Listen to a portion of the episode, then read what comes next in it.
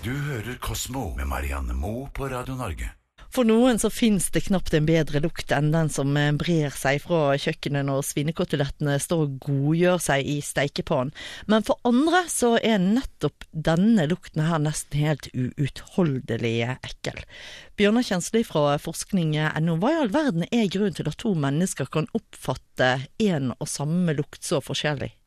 Det er genene våre. Eh, og det er, det er, det i hvert fall mye som tyder på nå. Nå er det forskere fra UMB i Ås som har eh, lagd en studie som viser det at eh, reseptoren i nesa vår som lukter sånn eh, androstenon, som er eh, et stoff som lager en typisk rånelukt, eller en veldig sånn sterk svinekjøttlukt fra, fra hanngriser.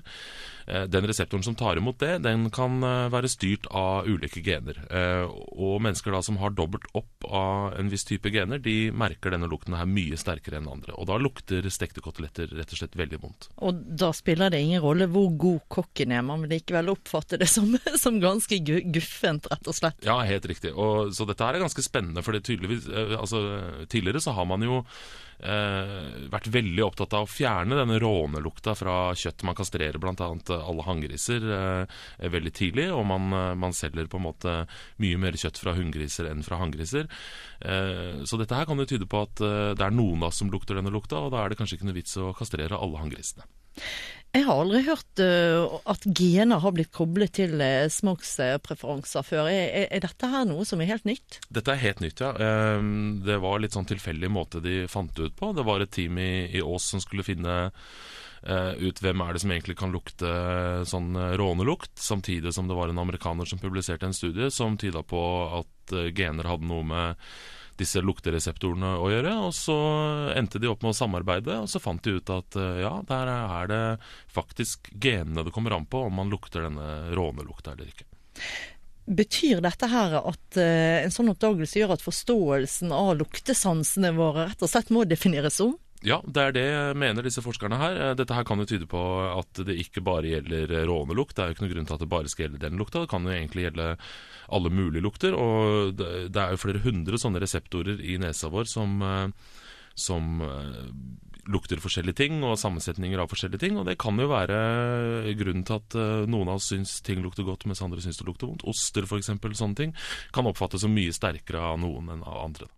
Du hører Kosmo med Marianne Moe på Radio Norge. Her i Kosmo på Radio Norge skal vi forlate den norske trolldomsbasen, men ikke 1700-tallet helt enda. Nå skal vi nemlig til en mørk side av dansk historie. 1700-tallets Danmark var langt mer religiøst enn det landet er i dag. Den gangen sa kirken eksempel at begår du selvmord, så havner du i helvete. For å unngå denne evige pien var det mange som valgte å begå den verst tenkelige av absolutt alle forbrytelser barnemord. Bjørnar Kjensli fra forskning.no, hva var egentlig situasjonen i Danmark eh, på denne tiden? Det som skjedde var at etter reformasjonen på, eh, på 1600-tallet eller slutten av 1500-tallet i Danmark, så, eh, så, ble jo Danmark gikk vekk da fra å være katolsk og gikk over til å være luthersk. da. og det som skjedde da, var at noen regler endret seg. Noen lover og regler endret seg i samfunnet. Blant annet så ble det sånn at selvmord var det verste man kunne gjøre. Da kom man rett til, til helvete. Mens eh, hvis man hadde gjort et mord, så eh, kunne man egentlig eh, bli tilgitt. Hvis man da eh, åpnet seg for Gud og, og, og, ba om nåde rett før man, eh, før man, døde. Ja, For henrettet det ble man uansett? Henrettet ble man, men da kom man i hvert fall ikke til helvete. Det var det folk trodde. Betyr dette her at uh, for suicidale så var det rett og slett attraktivt å begå en alvorlig forbrytelse? Det, det, er rett og slett det det betyr. Ja. At eh, folk heller enn å begå selvmord eh, valgte å drepe noen, fordi da var de på en måte garantert en plass i himmelen. Eh, det var noe, det var noe som, som, da kom med den nye religionen som, som, kom innover i Europa. Og det er jo grunn til å tro at det var sånn som dette her i Norge også, ikke bare i Danmark.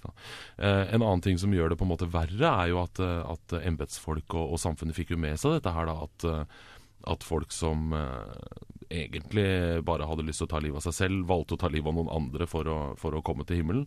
Så man prøvde å gjøre straffene verre og verre og verre.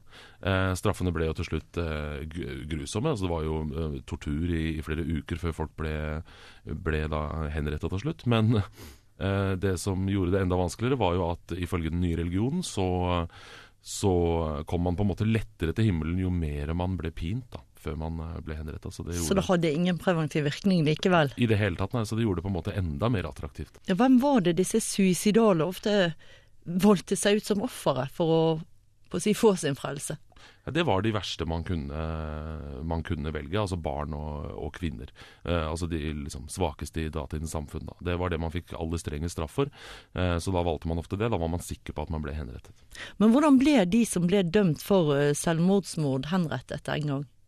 I begynnelsen så skjønte man ikke helt at det var selvmordsmord eh, det var snakk om, så da henrettet man de på vanligvis ved, ved henging eller, eller noe sånt. Men så skulle man jo gjøre eh, henrettelsene verre for å prøve å, å, å motvirke at, at folk brukte systemet for å bli henrettet. Og da var det ganske grusomme eh, metoder man brukte. I militærdomstolen, så hvis man ble tatt for selvmordsmord, som man kaller det, da, så ble man pisket en gang i uka i ni uker fram til man ble henretta. Og så skulle man da radbrekkes, altså brekke bein og armer, og så legges levende oppe på et så stort sånt vognhjul, og der skulle man ligge helt til man døde av skadene sine.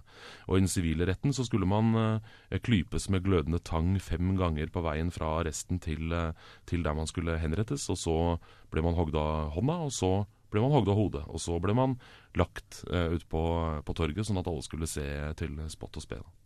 Hvor utbredt var egentlig eh, den praksisen med det å myrde for selv å bli henrettet?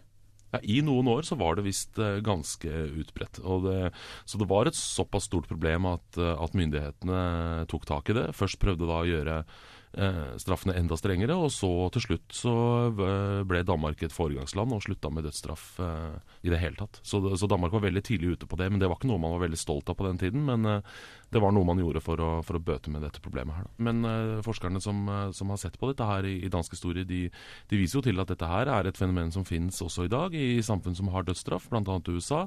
Så er det ikke uvanlig at folk, eh, folk gjør dette her eh, Altså at de gjør eh, kriminelle handlinger for å bli henretta. Kosmo, natur og vitenskap på Radio Norge. Søndag kveld fra klokken åtte. Radio Norge.